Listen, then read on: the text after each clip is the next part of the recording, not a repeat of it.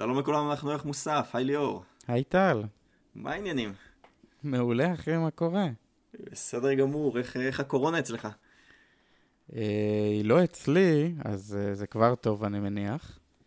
אה, אבל אתה יודע, תקופה משוגעת, אין מה לומר. כן, נספר למאזינים שלנו שבעצם את הפרק הזה אנחנו כבר אה, מוכנים להקליט אותו שלושה שבועות, אבל בגלל כל האילוצים סביב הקורונה וחיי משפחה ועבודה והכל, הם צריכים לדחות את זה, אבל עכשיו סוף סוף אנחנו מוכנים, אז אולי אפשר להגיד בקצרה שבגדול מה שאנחנו אומרים עכשיו זה גם משהו שהיינו אומרים לפני שלושה שבועות.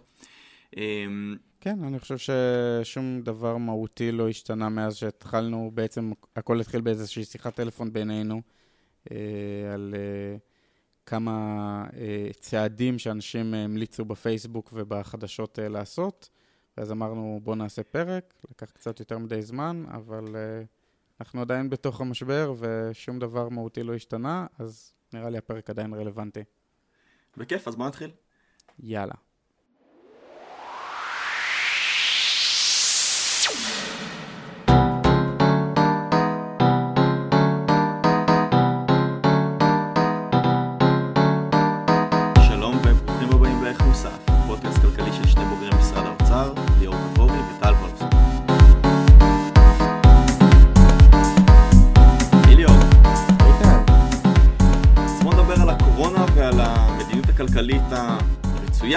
לאור הקורונה. מה, מה דעתך על זה? על המדיניות הכלכלית הרצויה והמדיניות הכלכלית המצויה. בעצם אה, שני הדברים האלה מעניינים אותנו מאוד, כמובן בהקשר הישראלי, כמו תמיד. אה, אני חושב שיש לנו שלוש נקודות עיקריות שאנחנו רוצים להדגיש על תחילת הפרק, ובעצם יחזרו כנראה לאורך ולרוחב הפרק אה, כל הזמן. אתה רוצה להגיד לנו מה הנקודות האלה? כן, אני חושב שהנקודה הראשונה זה שזה בעצם משבר שהוא לא כלכלי אלא בריאותי. אנחנו נרחיב על זה תכף בהמשך ונראה מה ההבדל בעצם כשאנחנו מדברים על משבר כלכלי, אבל כל הדיבורים האלה של להמריץ את הכלכלה וכולי הם לא ממש רלוונטיים, כי בעצם אנחנו נמצאים עכשיו בסיטואציה של קושי כלכלי או האטה כלכלית בגלל החלטה ממשלתית ולא בגלל שום דבר אחר. נכון, עכשיו אה, צריך להגיד לגבי היכולת בכלל של הממשלה להוציא את המשק מהמצב הכלכלי שהוא נמצא בו, זה שכל הזמן זה נשמע בתקשורת כאילו יכולת הממשלה היא בלתי מוגבלת, ובעצם אנחנו יודעים שיכולת הממשלה להתערב בשוק היא בהחלט מוגבלת. הממשלה כמובן יכולה להגדיל את החוב שלה, וזה גם מה שהיא עושה, וזה גם מה שהיא צריכה לעשות, אבל היא לא יכולה לעשות את זה אה, עד אין סוף. גם לממשלה יש הגבלות על היכולת שלה לגייס חוב. אה, וצריך לזכור שאנחנו לא יודעים כמה זמן המשבר אה, הזה יימשך. אה, אם אנחנו ממש לקראת הסוף שלו, אז אפשר כבר להתחיל לשחרר, אבל יכול להיות שהמשבר הזה עוד ארוך מאוד ושצריך לשמור תחמושת להמשך, ולכן גם השימוש בחוב הממשלתי צריך להיות מאוד מאוד זהיר. אוקיי, okay, אז זאת הייתה הנקודה השנייה. הנקודה השלישית שאני רוצה לדבר עליה זה שבעצם אין כאן פתרונות קסם. אנחנו... שומעים הרבה פעמים בתקשורת שגורם כזה או גורם אחר, או בפייסבוק מישהו אומר, כן, מה שהממשלה צריכה לעשות ולעזור לאזרחים וכולי זה לעשות א', או לעשות ב', או... וכאילו לעקוף איזה קושי אמיתי שקורה. ואנחנו פשוט רוצים להדגיש שא', אין ממש מה לעשות במובן שמכיוון שהפעילות הכלכלית צומצמה בצורה משמעותית, כולנו כנראה פחות או יותר עומדים להיפגע בזה, מזה, ו, ואנחנו רוצים להדגיש את זה, ואני חושב אולי שזה בעצם הנקודה הכי חשובה שבגללה רצינו לעשות את הפרק, אנחנו רוצים למנוע בזבוז כספי ציבור מיותר, כדי להגיד הממשלה צריכה לעשות משהו, אבל היא יכולה לעשות דברים בלחץ ציבורי בכיוון הלא נכון, ופוטנציאל הנזק מצעדים רעים בתקופה הזאת הוא כל כך גדול. נכון, האמת שאני רוצה להוסיף נקודה רביעית שעכשיו עולה לי בראש, וזה שהממשלה בעצם יכולה לעזור למשק, לציבור, לעצמה אפילו, אה, להתמודד עם המשבר. היא לא יכולה למנוע את המשבר, כן? כלומר, נזק כלכלי יקרה... או למנוע את ההשלכות של המשבר. בדיוק. נזק כלכלי יקרה, קורה כבר וימשיך לקרות. אי אפשר להעלים את הנזק הכלכלי הזה. אפשר לדבר על איך מתמודדים איתו, על איך מחלקים אותו, על מי יספוג אותו, שאלות מהסוג הזה. אבל להעלים כל... כאילו, הנקודה הכי טריוויאלית, שפשוט נעלמת מהדיון הציבורי, זה שאת הנזק הכלכלי הזה אי אפשר להעלים. לא משנה מה הממשלה תעשה, כל עוד היא לוחצת על הברקס ולא מאפשרת למשק לקיים פעילות כלכלית אה, נורמלית, ברור שייווצר נזק כלכלי ומישהו צריך לספוג את זה. גם אם הממשלה תספוג את זה, עדיין אנחנו האזרחים נספוג את זה בסופו של דבר. יפה, אז בוא, בוא נתחיל כזה יותר לפתח את הרעיונות שלנו ו... וננסה לחשוב על איך אנחנו חושבים מבחינה כלכלית על התקופה הזאת. אמ, ואני רוצה שנדבר בעצם על סוגים של משברים כלכליים. אתה זוכר בשיחת טלפון אה, שעשינו, אז דיברנו נגיד על, השווינו את זה למשבר אה, של 2008, מה שנקרא סאב פריים. אה, בסוגריים שגם על זה יש לנו פרק, לדעתי 28, אבל אני לא בטוח. 29. 29. לא, 29 זה קניית בדולרים, צריך לבדוק את זה. עריכה, טל כרגיל צדק, אני במפתיע טעיתי, זה פרק 28. אוקיי, אמ, והשווינו את זה גם למשבר אה, בשנת 2000, 2001, הדוט קום, ובעצם היום אנחנו נמצאים בהאטה כלכלית שהיא מגיעה מכיוון אחר לגמרי. אתה רוצה לדבר קצת על ההבדלים בין הסוגים של, ה... של המשברים הכלכליים האלה? כן, אז בעצם מה ש... איך שאנחנו רואים את זה, איך שאני רואה את זה לפחות, זה שמשבר כלכלי זה משבר שנובע מכך שהכלכלה לא מתפקדת כמו שצריך, מאיזושהי סיבה. אה, לרוב, אפילו אני לא יודע אם לרוב, אבל נניח ב-2008, אה, מה שקרה, ודיברנו על זה בהרחבה, זה שבעצם היה תמחור לא נכון של אה, סיכון, לפעמים יש תמחור לא נכון של נכסים, תמחור לא נכון של הון אנושי או הון פיזי, או כל מיני דברים, אבל בעצם יש איזושהי טעות בכלכלה. הכלכלה הולכת לאיזשהו כיוון לא נכון, ואז בסוף הדבר הזה מתפוצץ ונעשה תיקון כלכלי. כאן אנחנו לחלוטין לא במצב הזה, אנחנו במצב של שוק חיצוני. אנחנו במצב שהכלכלה בסך הכל תפקדה בסדר גמור עד שיום אחד הממשלה, מסיבות שאנחנו לא ניכנס אם הן נכונות או לא נכונות, אבל הממשלה פשוט לחצה על הברקס, פשוט אמרה לאנשים, תישארו בבית, אה, אל תלכו לעבודה, אל תלכו למפעל, אל תייצרו. אה, ולכן המשבר שהוא בכלל בריאותי, הפך להיות משבר אנושי, כן? אנחנו גם לא רואים חברים, אנחנו גם לא רואים משפחה, היה לנו סדר פסח מאוד מאוד מוזר, ובין השאר, אחת ההשלכות של כל המצב המוזר הזה שנקלענו אליו, זה שהפעילות הכלכלית אה, ירדה בצורה מאוד מאוד משמעותית, ובעצם מתחיל להיווצר פה סיטואציה של משבר כלכלי.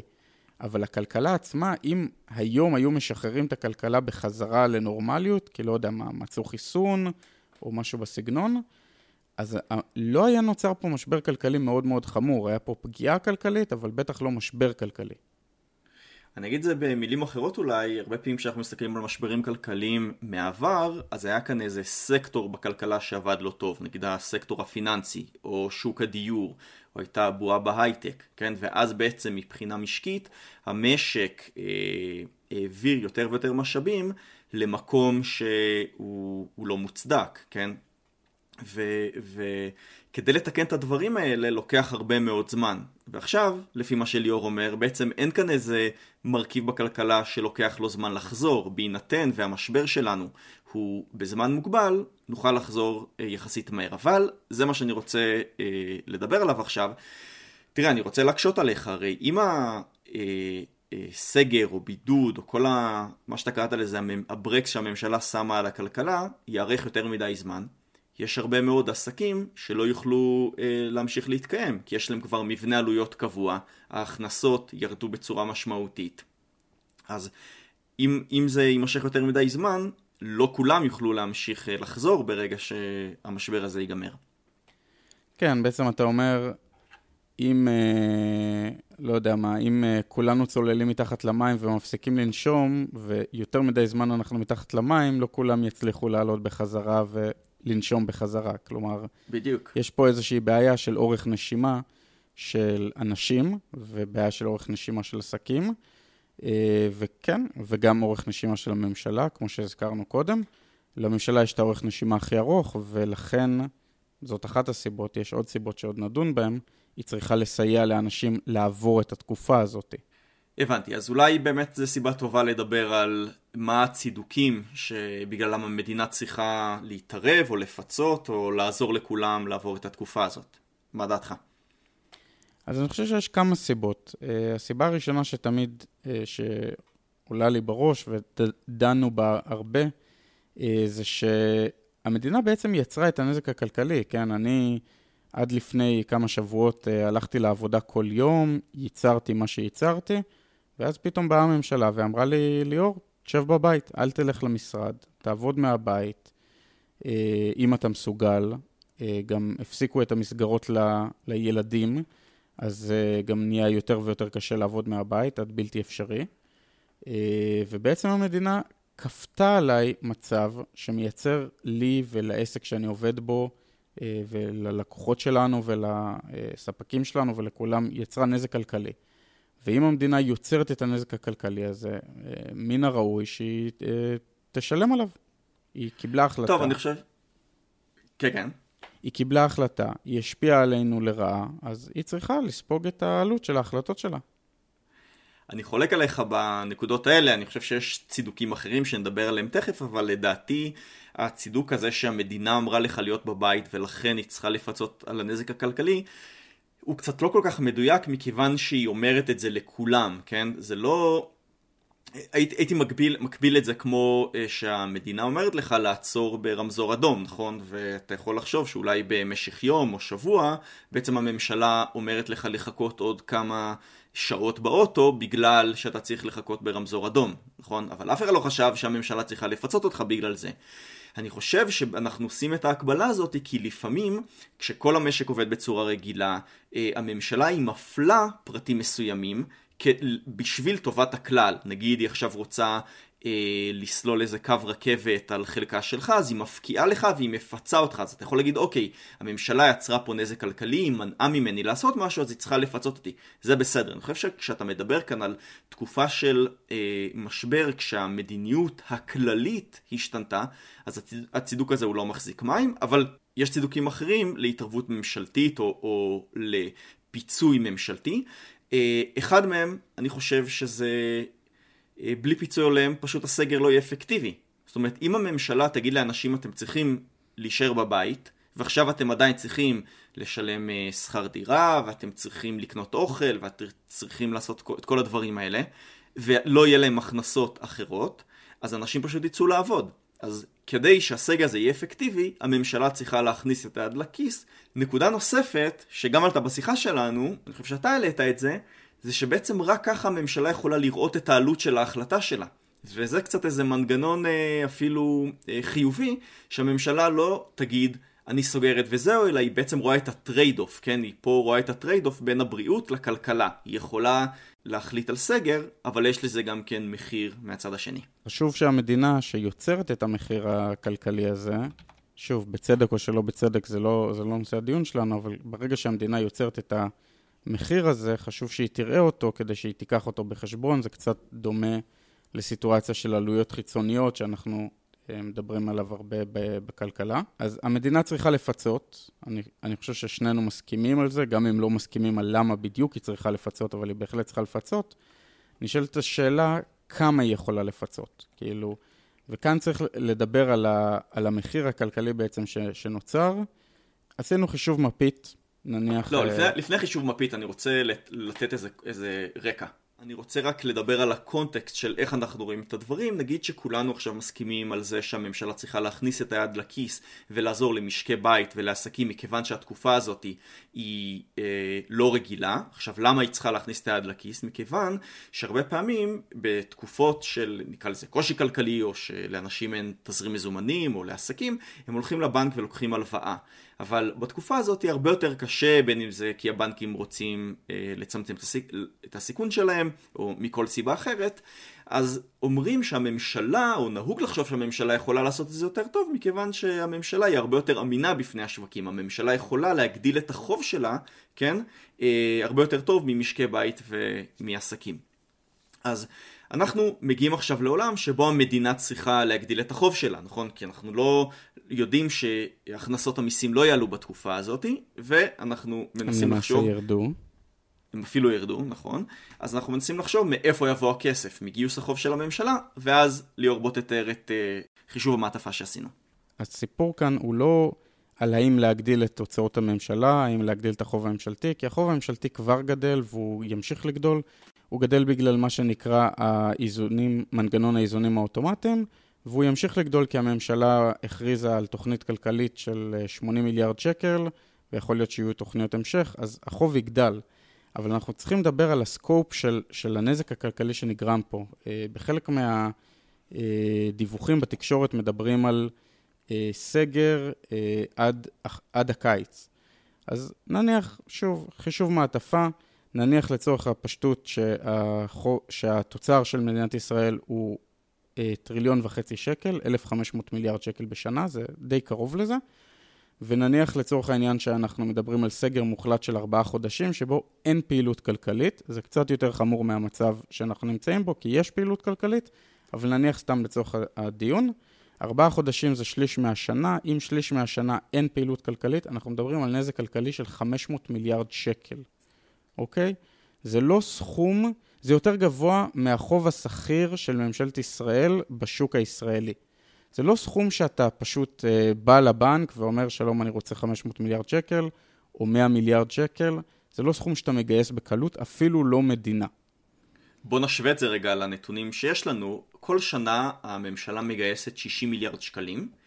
Uh, לא ניכנס לזה בדיוק, אבל 50 מזה זה מחזור חוב. מה, מה שאנחנו רוצים רק להתייחס אליו זה שבעצם בפועל הממשלה מגדילה, בשנת 2018 הגדילה את החוב השכיר שלה ב-11 מיליארד שקלים, זה בערך מיליארד שקל בכל חודש, כן?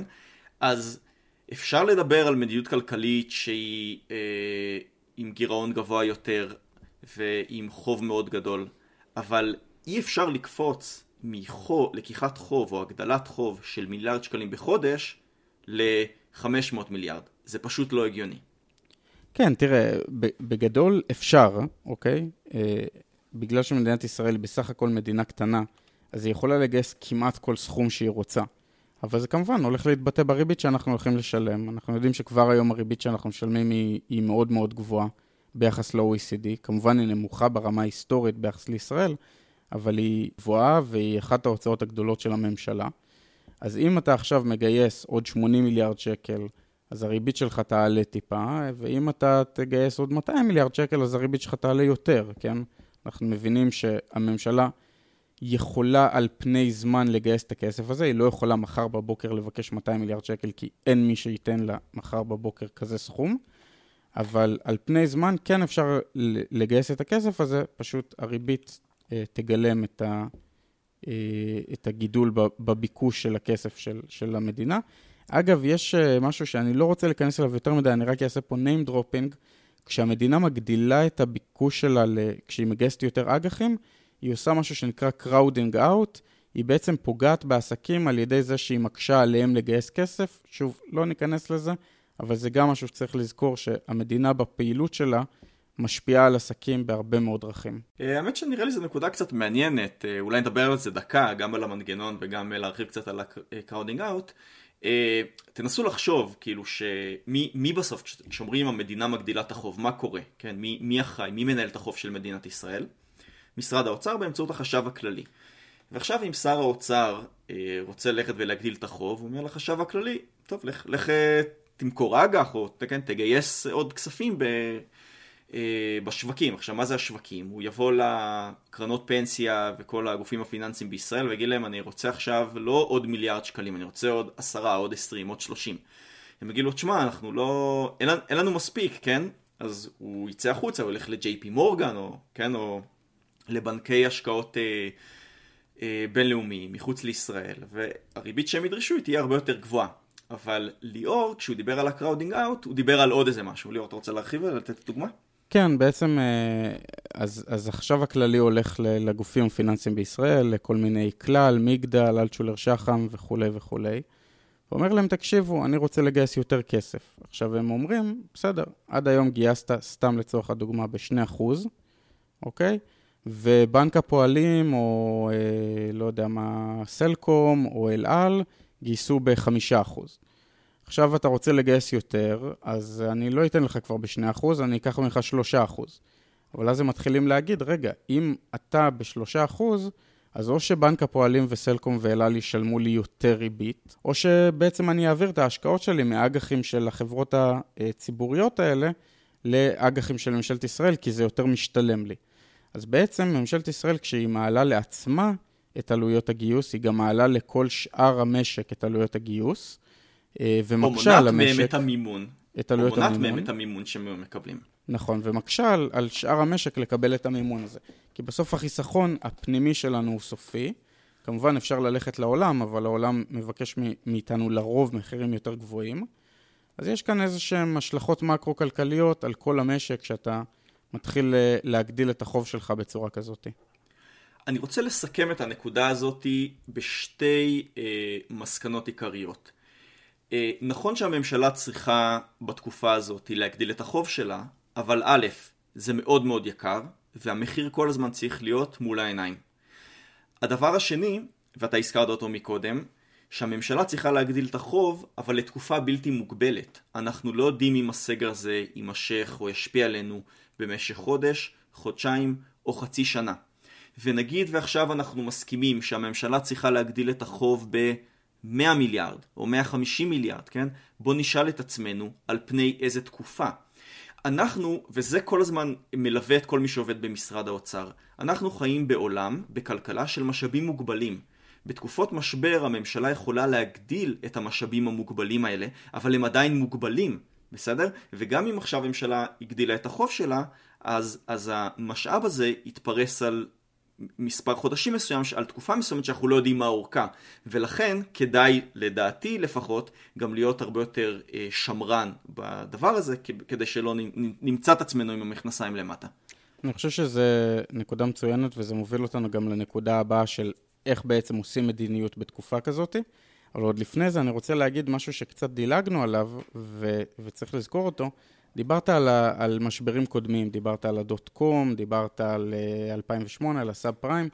בעצם רוב המשברים, לא כולם, אבל רוב המשברים זה איזושהי מכה שאתה מקבל, ואז המש, המשבר, המכה המקורית נגמרת, ועכשיו צריך, צריך להתאושש ממנה. במשבר הזה, אחת הנקודות המרכזיות היא שאנחנו עדיין בתוך זה.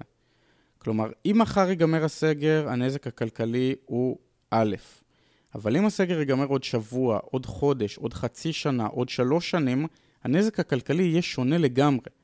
כלומר, אנחנו עדיין לא אחרי המשבר, אנחנו עדיין לא יכולים לסכם את הנזק הכלכלי וללקק את הפצעים שלנו, מה שנקרא, ולכן, כמו שאמרת, אנחנו צריכים להיות הרבה יותר זהירים, כי אם אנחנו עכשיו נגייס 100 מיליארד שקל ונוציא אותם בתוך חודש, אבל פתאום יגידו לנו, תקשיבו, אתם צריכים להישאר בסגר עוד חודשיים, אז שרפנו את כל הכסף שלנו. אנחנו פתאום מוצאים את עצמנו בסיטואציה שאנחנו צריכים לגייס שוב פעם חוב מאוד מאוד גדול, וזה לא בהכרח יהיה קל, זה לא בהכרח יהיה זול, ואפילו לא בהכרח יהיה אפשרי.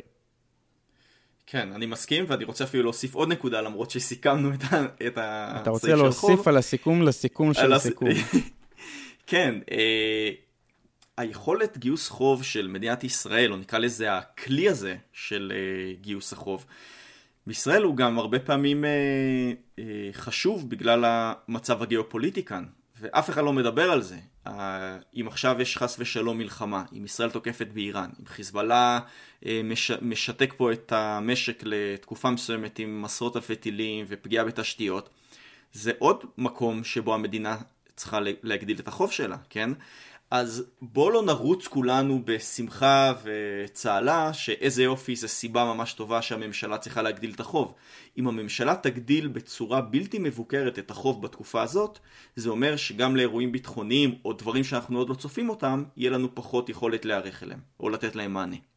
נכון, אתה בעצם מוציא לי את העוקץ מהנקודה הסופית שמסכמת את הדיון כולו, אבל בעצם אה, מה שאתה אומר זה שלא רק שיהיה לנו יותר קשה להתמודד עם אה, משבר ביטחוני, אם חס וחלילה יקרה, אלא זה גם מקטין את ההרתעה שלנו, כי האויבים שלנו מבינים שאנחנו לא יכולים להרשות לעצמנו סבב ביטחוני אה, בתקופה כזאת, אה, וזה כבר לוקח אותנו למחוזות אחרים לגמרי, אבל בסופו של דבר, אם אני מסכם את הסיכום של הסיכום של הסיכום, אז... אה, על החוב, סיכום של החוב רק. של החוב רק. אז מדינת ישראל צריכה לשמור על יחס חוב תוצר נמוך. אה, היא עשתה את זה, היא, היא הגיעה למשבר הזה עם יחס חוב תוצר נמוך, אבל אה, אנחנו לא רוצים ש... והחוב תוצר יגדל פה, אין, אין על מה לדבר, אנחנו לא רוצים שהוא יוצא משליטה.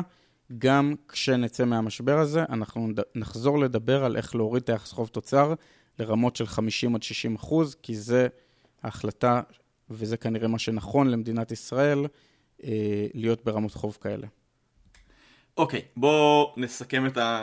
בואו נעבור לשלב הבא ונדבר על, אוקיי, okay, אז מה בעצם הממשלה צריכה לעשות? איזה צעדי מדיניות אידיאליים אנחנו חושבים עליהם? אוקיי, okay, אז דבר ראשון, שוב, כמו שאמרנו, כולם ייפגעו מהמשבר הזה. רובנו נפגעים בצורה ישירה. יש, אה, אגב, אה, אתה יודע, 25% אבטלה זה משהו שמעולם לא היה פה, זה, זה, זה מספר מטורף, ונכנסנו למשבר הזה עם 3% אבטלה, שזה גם מעולם לא היה פה. אז, אז ברור שקורה פה משהו ענק. אה, רובנו ניפגע בצורה ישירה, גם מי שלא ייפגע בצורה ישירה, ייפגע בוודאי בצורה עקיפה, אה, כשיעלו לנו את המיסים, כשיקטינו לנו את השירותים הממשלתיים וכולי. צעדי מדיניות אידיאליים מתחילים בכך שהם אה, מעודדים אנשים לנסות להקטין את הנזק הכלכלי שנגרם להם, ולא לנסות להגדיל אותו. כלומר, אה, אני אתן לך דוגמה למשהו שהתעסקתי בו באוצר, כשהיה אחד מהסבבים בדרום, כבר לך תדע איך, לך תזכור איך קוראים לו, אז רצו לפצות את כל מי שנפגע מהסבב בדרום. אבל יצרו מצב שלבן אדם היה כדאי לתאם עבודה בדרום ולבטל אותה כביכול בגלל המצב הביטחוני, ואז לבוא למשרד האוצר ולהגיד, תקשיב, נפגעתי, בוא תפצה אותי. אוקיי? זה לא מצב שאנחנו רוצים. אנחנו רוצים שכל בן אדם יעשה את מירב המאמצים על מנת להקטין את הנזק הכלכלי שנגרם לו, שיעשה את מירב המאמצים על מנת להמשיך לייצר כמה שהוא מסוגל, כמה שיותר, אה, והמדינה כמובן תעזור למי שבאמת נפגע, ולא, ובתקווה לא תרדוף אחרי אנשים שמזייפים פגיעה. אוקיי, okay, אבל בואו נעבור את ההתמודדות עם הזיוף. בואו נדבר על המלצות קונקרטיות. איזה המלצות אתה חושב שצריך לעשות? אז דבר ראשון שכבר אנחנו רואים סטייה ממנו, זה שאמור להיות קשר ישיר בין הפגיעה הכלכלית שנגרמה לך בעקבות המשבר, בעקבות הקורונה, לבין עזרה אה, כלכלית מהממשלה. אנחנו אה, ראינו ממש לאחרונה שראש הממשלה הכריז על, מעבר לתוכנית הכלכלית, הכריז על צעדים נוספים אה, בסגנון אה, מענק לכל ילד, לכל קשיש ולכל אה, אה, בעל מוגבלות. אה, וזה לא כלי מתאים. כלומר, זה שיש לי יותר ילדים או פחות ילדים, לא אומר שום דבר על רמת הפגיעה שאני סבלתי. יש סיכוי שיש לי עשרה ילדים ולא נפגעתי כלכלית בכלל מהמשבר, ויש סיכוי שאין לי ילדים ונפגעתי קשות מאוד מהמשבר. אז אין, אין שום קשר וצריך להיות קשר ישיר בין הפגיעה הכלכלית שספגתי, שוב, בעקבות החלטות הממשלה על הסגר, על הפחתת הפעילות הכלכלית, לבין הפיצוי הכספי שאני אקבל מהממשלה. כן, אני, אני רוצה לדבר על, על התמיכה הממשלתית בשני ענפים, נקרא לזה. אני חושב שצריך לדבר על איך הממשלה עוזרת לפרטים לעבור את התקופה הזאת, אה, ואיך היא עוזרת לעסקים לעבור את התקופה הזאת. אבל קודם כל הפוקוס הוא באמת לעבור, אה, אני רוצה לדבר על הפרטים, והפוקוס הוא לעבור את התקופה הזאת. זה לא, תקופ, זה לא, הפיצוי לא צריך להיות ברמת ההכנסה שהייתה מקודם. זו תקופה שכולם מצטמצמים, זו תקופה שההוצאות של כולם יורדות, אז, אז אה, מן הסתם הפיצוי יהיה נמוך יותר מה... נקרא לזה פוטנציאל ההכנסה או הרווחים שהיו לפני זה. אני חושב שזה, אה, במובן הזה הכלי הבסיסי של דמי אבטלה הוא מאוד מאוד טוב אה, לתקופה הזאת. אני חושב שזה גם טוב שנתנו למי שיוצא לחל"ת להיות זכאי לדמי אבטלה. אה, ואני חושב, אני יודע שנתנו גם זכאות מסוימת לעצמאים, לדעתי אישית צריכים להרחיב את זה, כי במובן הזה, שוב, מדובר כאן על פרטים שצריכים לעבור את התקופה הזאת, וצריך למצוא מנגנון אולי על בסיס דיווחי מע"מ או משהו אחר, שגם כן ייתן להם פיצוי הולם אה, וקרוב יותר למה שיש בדמי אבטלה. כן, ואני חושב שאפשר להוסיף עוד uh, כלי שמשרד האוצר לא משתמש בו, ואני חייב להגיד, מפתיע אותי. Uh, בעצם כל אחד מאיתנו, אה, כמעט כל אחד מאיתנו, לדעתי היום לכל אחד מאיתנו יש איזשהו חיסכון פנסיוני, אה, בטח בעולם של אה, פנסיית חובה. ואם אתה רוצה למשוך כסף מהחיסכון הפנסיוני שלך, אתה צריך לשלם קנס, איזשהו מנגנון שמעודד אותך לא למשוך כסף מהכספים הפנסיוניים. באופן כללי, אני בטח לא אחד שממליץ למשוך כסף משם, אבל במצב הפרטני הזה, אני חושב שהמדינה יכולה לעודד אותנו במקום אה, לשבור חסכונות אחרים ובמקום ללכת ולבקש עוד כסף מהמדינה, היא יכולה בעצם לאפשר לנו למשוך משם כסף בלי קנס, ואולי אפילו לחשוב, זה מאוד קשה תפעולית, אבל לפחות ברמה התיאורטית אפשר לחשוב על דרך שמעודדת אותך לא למשוך משם כסף, ובעצם לתת לך כלי שכן נותן לך נזילות בימים קשים, אבל אה, אה, לא עולה לממשלה כסף, ו, אה, ואתה תיזהר כמה שיותר בלמשוך משם כסף, כי בסוף זה הכסף שלך. אתה לא תמשוך סתם כסף בצורה מטורפת. אז אני חושב שזה גם... אלא כלי... תמשוך בדיוק את מה שאתה צריך בשביל הקיום שלך. בשביל להחזיק את הראש מעל המים. כל הזמן, נכון. המוטו שחוזר פה זה להחזיק את הראש מעל המים. הרעיון הוא שאף אחד לא יתעשר בתקופה הזאת ואף אחד לא יטבע בתקופה הזאת, פשוט שנצליח להחזיק את הראש מעל המים עד שהתקופה הזאת עוברת, ואז נחזור ל-business as usual. אני מאוד מסכים, אני אוהב את הרעיון שלך, אני באמת חושב שזו תקופה שבשביל החוסכים כל השנים, כדי להשתמש בחסכונות uh, בעת uh, הצורך. ובואו נעבור לנקודה הבאה. Uh, בואו נדבר קצת על חברות. מבחינת חברות, שוב, המטרה היא לאפשר להם לשמור את הראש מעל המים.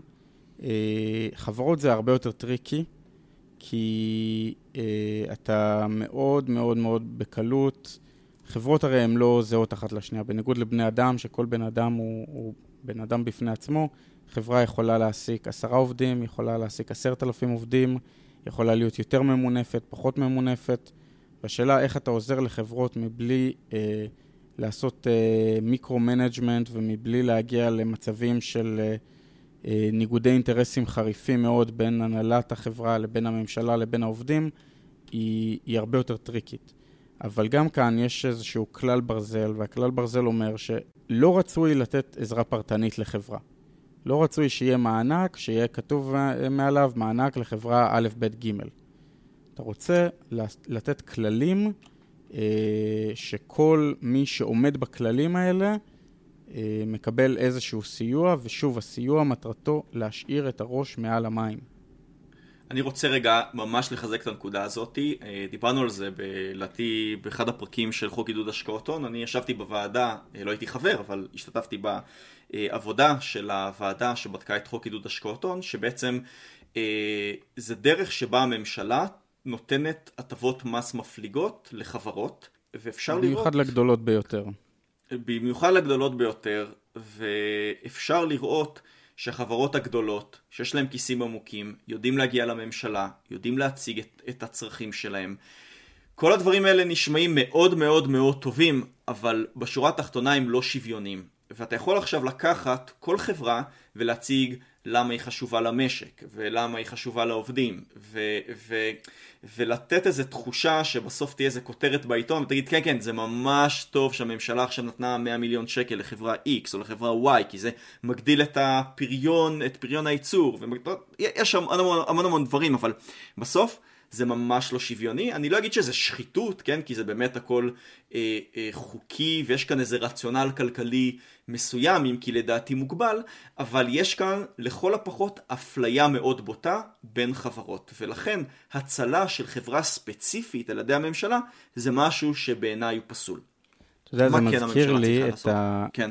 זה מזכיר לי את המשבר שהיה, משבר, אני אומר את זה, זה במרכאות כפולות, שהיה בטבע לפני שנה וחצי, שנתיים, משהו כזה, שפיטרו שם איזה אלף, אלפיים עובדים, שזה כמובן אה, מגה אירוע כלכלי, אבל uh, ברמת המשק, כשאתה מסתכל ובכל חודש מפוטרים עשרת אלפים, עשרים אלף עובדים בחודש רגיל, כן, אני מדבר ימי טרום קורונה, אז אלף אלפיים עובדים שמפוטרים מחברה אחת זה אירוע מאוד לא נעים, אבל זה ברמה המשקית, זה לא אירוע מקרו-כלכלי. וגם היו תוכניות ודיברו, אני חושב שהרוב לא יצא לפועל, וטוב שכך, דיברו על לעזור לטבע ולעזור למפוטרי טבע להיקלט, ואתה אומר, מה הם שונים מהמפוטר מהמכולת? מה הם שונים מהמפוטר מ...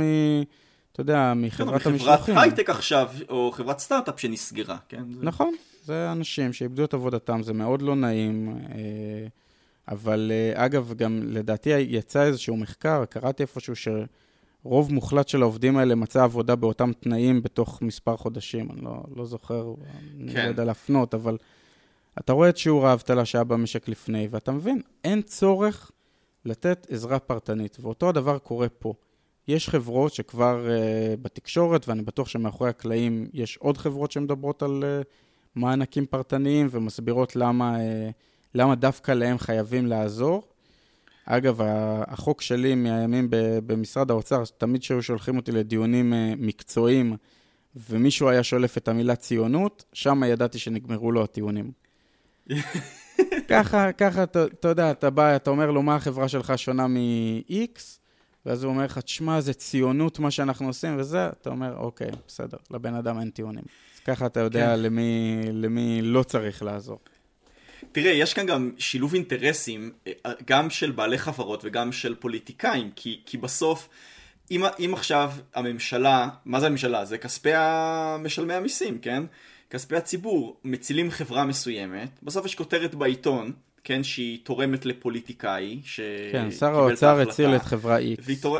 כן, אבל אנחנו לא, לא חושבים על שאר החברות שלא קיבלו את היחס הזה. אוקיי, אבל בוא, בוא רגע, אה, אז נקפוץ, איך כן הממשלה צריכה לעזור לחברות? תראה, בגדול, אה, מענקים זה, זה מוצא אחרון.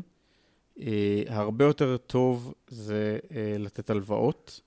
יש מנגנון שיש בו הרבה בעיות, ואנחנו לא ניכנס לזה, של הלוואות בערבות מדינה. Uh, בגדול זה בעיניי עדיף בהרבה על מענקים.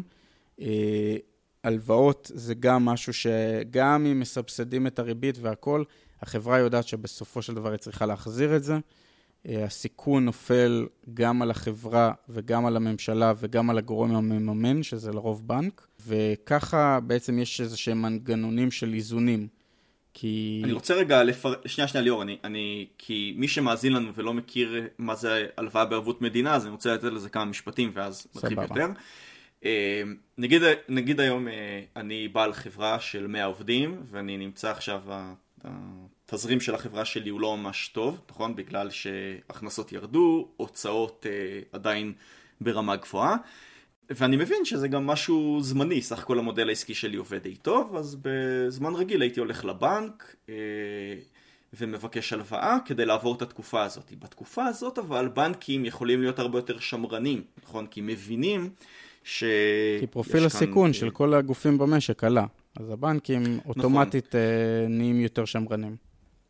נכון, ופה מה שהמדינה עושה, היא יכולה להגיד לבנקים, תקשיבו, אתם יכולים עכשיו להלוות לכל מיני חברות ואם הם יגיעו לחדלות פירעון והם לא יוכלו להחזיר לכם את ההלוואה, אני זאתי שאכניס את היד לכיס ואני אשלם לכם, כן? אבל אני רוצה באמת להדגיש כמה דברים. קודם כל, שימו לב שהלוואות לא נעשות ישירות על ידי המדינה, אלא על ידי הבנק, נכון? כי לבנקים יש מומחיות לקרוא דוחות של חברות, הם, יש להם מנגנון אכיפה, מנגנון גבייה, הם יודעים לנהל את הסיכונים. כן, זה לא שאיזה מישהו במשרד האוצר עכשיו נותן צ'ק לחברה מסוימת. זה, זה, וזה גם קשור לנקודה שאתה אמרת מקודם, חברות מאוד שונות אחת, אחת מהשנייה. המצב שלהם שונה אחת מהשנייה. תחשוב נגיד על חברה עכשיו שהיא עומדת לפשוט רגל, וכבר הבעלים שלה יודע יודע שעוד חודש-חודשיים היא כבר לא תתקיים. אז אם עכשיו הממשלה תיתן לכל החברות איזה צ'ק, זה בעצם אומר ש, שסתם הלך כאן הכסף, כי לא עזרת לחברה להישאר עם האף מעל המים, כי ממילא היא הייתה נשכרת. נכון, אה, ו- ובעצם ו- אתה גם מעודד, אתה מעודד את, ה- את אה, בעל העסק להגיד לך שהמצב שלו יותר חמור ממשהו. אם אתה נותן לו מענק אז הוא בכלל אומר לך, אני צריך אינסוף כסף. כן, אבל כשאתה אומר לו, אה, אני נותן לך הלוואה ואתה תשלם על זה בריבית, ואגב, אתה גם חייב להביא חלק מהכסף מהבית. לא, זהו, וזו הנקודה השנייה החשובה, שבאמת זה לא, ש... זה לא שעכשיו בעל העסק לוקח את ההלוואה ואם הוא לא מחזיר, אז כאילו הממשלה משלמת אה, במקומו, יש כאן סנקציות אה, על בעלי המניות, וגם הם צריכים להיות שותפים להלוואה הזאת, גם הם צריכים אה, לערוב לחלק מהחוב. נכון, זה יוצר בעיות לחלק מהאנשים, וכמו שאמרנו, מנגנון לא מושלם, אבל זה מנגנון הרבה יותר טוב מכל מנגנון חלופי שאני שמעתי עליו, אה, ובטח יותר טוב ממענקים או מהלוואות ישירות של המדינה, שדוח אחרי דוח של מבקר המדינה מראה שהמדינה לא, בכלל לא עושה את המהלכים הנכונים לגבות אה, את ההלוואות שהיא נתנה בעבר, ורוב הכסף הזה בסופו של דבר הוא בעצם מענק בתחפושת של הלוואה. אז uh, בסופו של דבר, הקרן, קרן הלוואות בערבות מדינה, זה כנראה הפתרון הכי טוב שיש לנו לחברות. אוקיי, okay, אז בואו בוא נסכם. בעצם הבנו שאנחנו בסוג של אה, הפסקה כלכלית ופחות משבר, אנחנו רוצים לעבור את התקופה הזאת בצורה כמה שיותר אה, חלקה, אנחנו חושבים שהממשלה צריכה להכניס את היד לכיס שלה, אבל בצורה מוגבלת, כי אנחנו לא יודעים כמה זמן התקופה הזאת תימשך. ובעיקר שמרנית, אה, בגלל ו... שאנחנו לא יודעים כמה זמן התקופה הזאת תימשך. זה... וזה גם מאוד מאוד יקר, אנחנו חושבים שהממשלה צריכה לתמוך בפרטים, דמי אבטלה אה, זה כלי אחד, הרחבה לעצמאים זה משהו שצריכה לעשות. דיברנו, אגב, אני רוצה להגיד גם על דמי אבטלה, עם, עם כאן ההימשכות של המק... אם ההימשכות של התקופה הזאת תהיה מאוד מאוד ארוכה, אז יכול להיות שיש מקום גם לשקול אה, להאריך את דמי אבטלה או כלי אחר, אבל, אבל צריך למצוא כאן איזה אה, דרך. אה, דיברנו על אפשרות לתת לאנשים למשוך מכספי הפנסיה שלהם ללא הקנס ודיברנו על תמיכה בעסקים שהיא צריכה להיות לא ישירה אלא באמצעות מנגנון של הלוואות בערבות מדינה דרך הבנקים שיודעים לקרוא את הדוחות שלהם ולתת מענק פרטני לחברה שצריכה באמת את הכסף הזה. לא לתת מענק פרטני לאף חברה. לתת הלוואה אולי התכוונתי. אוקיי. הלוואה פרט... הכוונה לא לכולם, אלא, כן, כן, סליחה, אתה צודק, הבנקים נותנים הלוואה לא לכולם, לא לכל מי שמגיע אליהם, אלא לאחר בדיקה פרטנית של אה, הדוחות של כל חברה. נכון.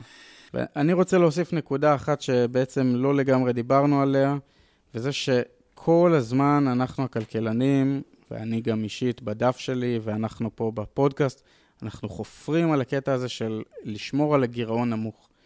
ולהקטין את החוב אה, תוצר אה, ולהגיע ליעדים שהממשלה הציבה לעצמה, שזה 60% ב-2020 ו-50% יחס חוב תוצר ב-2030. וכל הקטע שאנחנו מדברים עליו כל השנים, זה בדיוק בשביל הרגעים האלה. אתה שומר על גירעון נמוך, אתה שומר על יחס חוב תוצר נמוך, כדי שכשאתה מגיע לרגע הזה, שבו לפני חודשיים, שלושה, מי היה מדמיין שאנחנו נהיה בסיטואציה שאנחנו נמצאים בה, אבל זה בדיוק הקטע. המשברים באים אליך מהבליינד ספוט שלך, וכשהם מגיעים, אתה רוצה להיות מוכן ולהיות מסוגל להיות נדיב. היום כולם מדברים על כמה הוא נדיב וכמה זה נדיב וכמה הממשלה הזאת נדיבה, אבל אף אחד לא מדבר על מה המדינות האלה עשו כדי לאפשר לעצמם להיות נדיבות ברגעים כאלה. זה מזכיר לי שאלה שאחד החברים שלי שאל אותי אם אה, הגענו למשבר הזה מוכנים. איך ממשלת ישראל נערכה לדבר הזה? עכשיו, זו שאלה שהיא קצת טריקית, כי בעצם אנחנו נמצאים במגפה שאולי תאורטית היא הייתה אפשרית, אבל אף אחד לא באמת נערך אליה, אבל התשובה של חוב נמוך יכולה להיות תשובה מאוד מאוד טובה. עצם זה שמשרד האוצר שמר או נאבק בשיניים לשמור על החוב הלאומי שלנו נמוך ככל האפשר, אפשר לנו בתקופה הזאת כמשק לתמוך בפעילות הכלכלית כמה שיותר. נכון, ובשנייה שיגמר המשבר הזה ונחזור לנורמה, אה, אז נחזור לדבר על איך מורידים את היחס חוב תוצר שיעלה בעקבות המשבר הזה, איך מחזירים אותו לרמות שאנחנו רוצים, כדי שכשהמשבר הבא יגיע, בין אם זה יהיה עוד מגפה, או חס וחלילה מצב מלחמתי, או חס וחלילה רעידת אדמה, או אלוהים יודע מה, אז כדי שנהיה מוכנים למשבר הבא, אנחנו נצטרך לחזור ולהדק את החגורה, ולהקטין את הגירעון ואת היחס חוב תוצר של מדינת ישראל. כן, אז זה אחלה סיכום, אני מקווה שעשינו לכם סדר בראש על איך כלכלנים חושבים על מדיניות כלכלית אה, בתקופה הזאת. אמ, וכל מי שיש לו עוד שאלה או הערה, אנחנו מזמינים אתכם לבוא ולכתוב לנו אה, בעמוד עם השם הכי ארוך ברשת, ערך מוסף. פודקאסט כלכלי של שני בוגרי משרד האוצר. וואו! כן, אז אה, זהו, היה כיף כמו תמיד, תודה ליאור. תודה טל. ונתראה בפרקים הבאים, יאללה ביי. יאללה ביי.